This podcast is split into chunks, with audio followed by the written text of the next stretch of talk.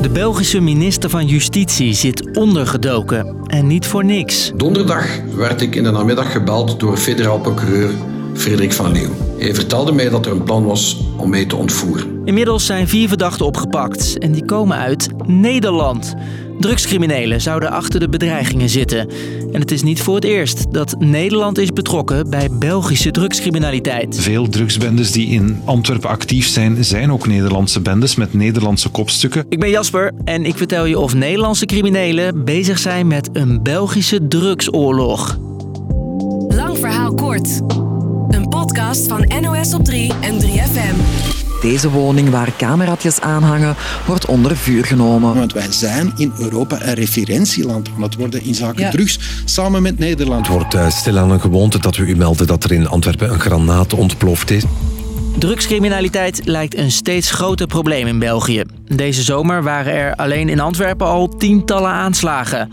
Dat vertelt Philippe Heijmans. Hij werkt als misdaadverslaggever bij de Vlaamse publieke omroep VRT. Daar is met granaten gegooid, met vuurwerk gegooid.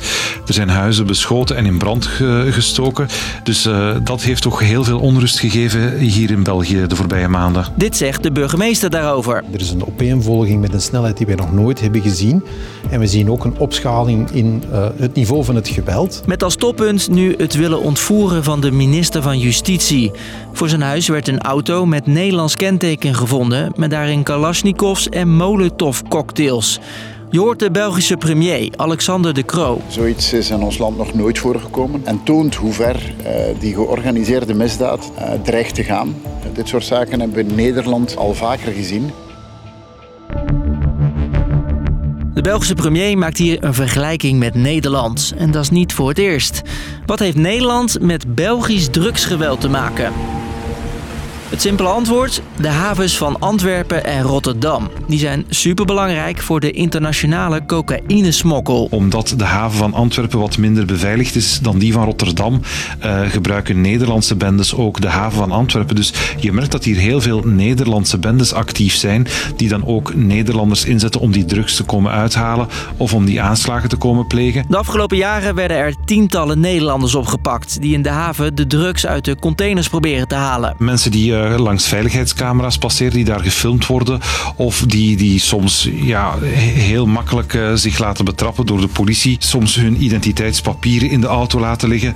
Dus, dus je merkt dat het geen ervaren criminelen zijn, maar echt gewoon ja, jochies uit uh, Nederland die snel wat geld willen verdienen en die niet goed beseffen wat ze precies aan het doen zijn. Omdat het in de haven van Antwerpen dus vaak gaat om drugs van Nederlandse criminelen, hebben de Belgische en Nederlandse politie sinds kort Task Force Fortius opgericht.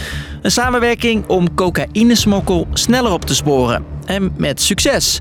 In de eerste twee maanden werd door Fortius al ruim 8000 kilo coke in beslag genomen. Maar al eerder was de Belgische politie druk met de aanpak van drugscriminaliteit, vertelt Philippe. Ja, het is eigenlijk een beetje al vorig jaar begonnen. Toen uh, heeft de Belgische politie een grote slag uh, thuis gehaald. Ze hebben toen beveiligde telefoons kunnen kraken van drugscriminelen. Die beveiligde telefoons werkten via het geheime communicatienetwerk Sky ECC, dat de politie dus heeft gekraakt. Het geeft ons een inkijk in de structuur en in de wijze waarop dergelijke criminele organisaties aan het werk gaan. Sindsdien zijn er honderden drugscriminelen opgepakt. Maar daardoor is het wel onrustig geworden, want ze zijn natuurlijk op zoek naar nieuwe mensen die voor die bendes kunnen werken.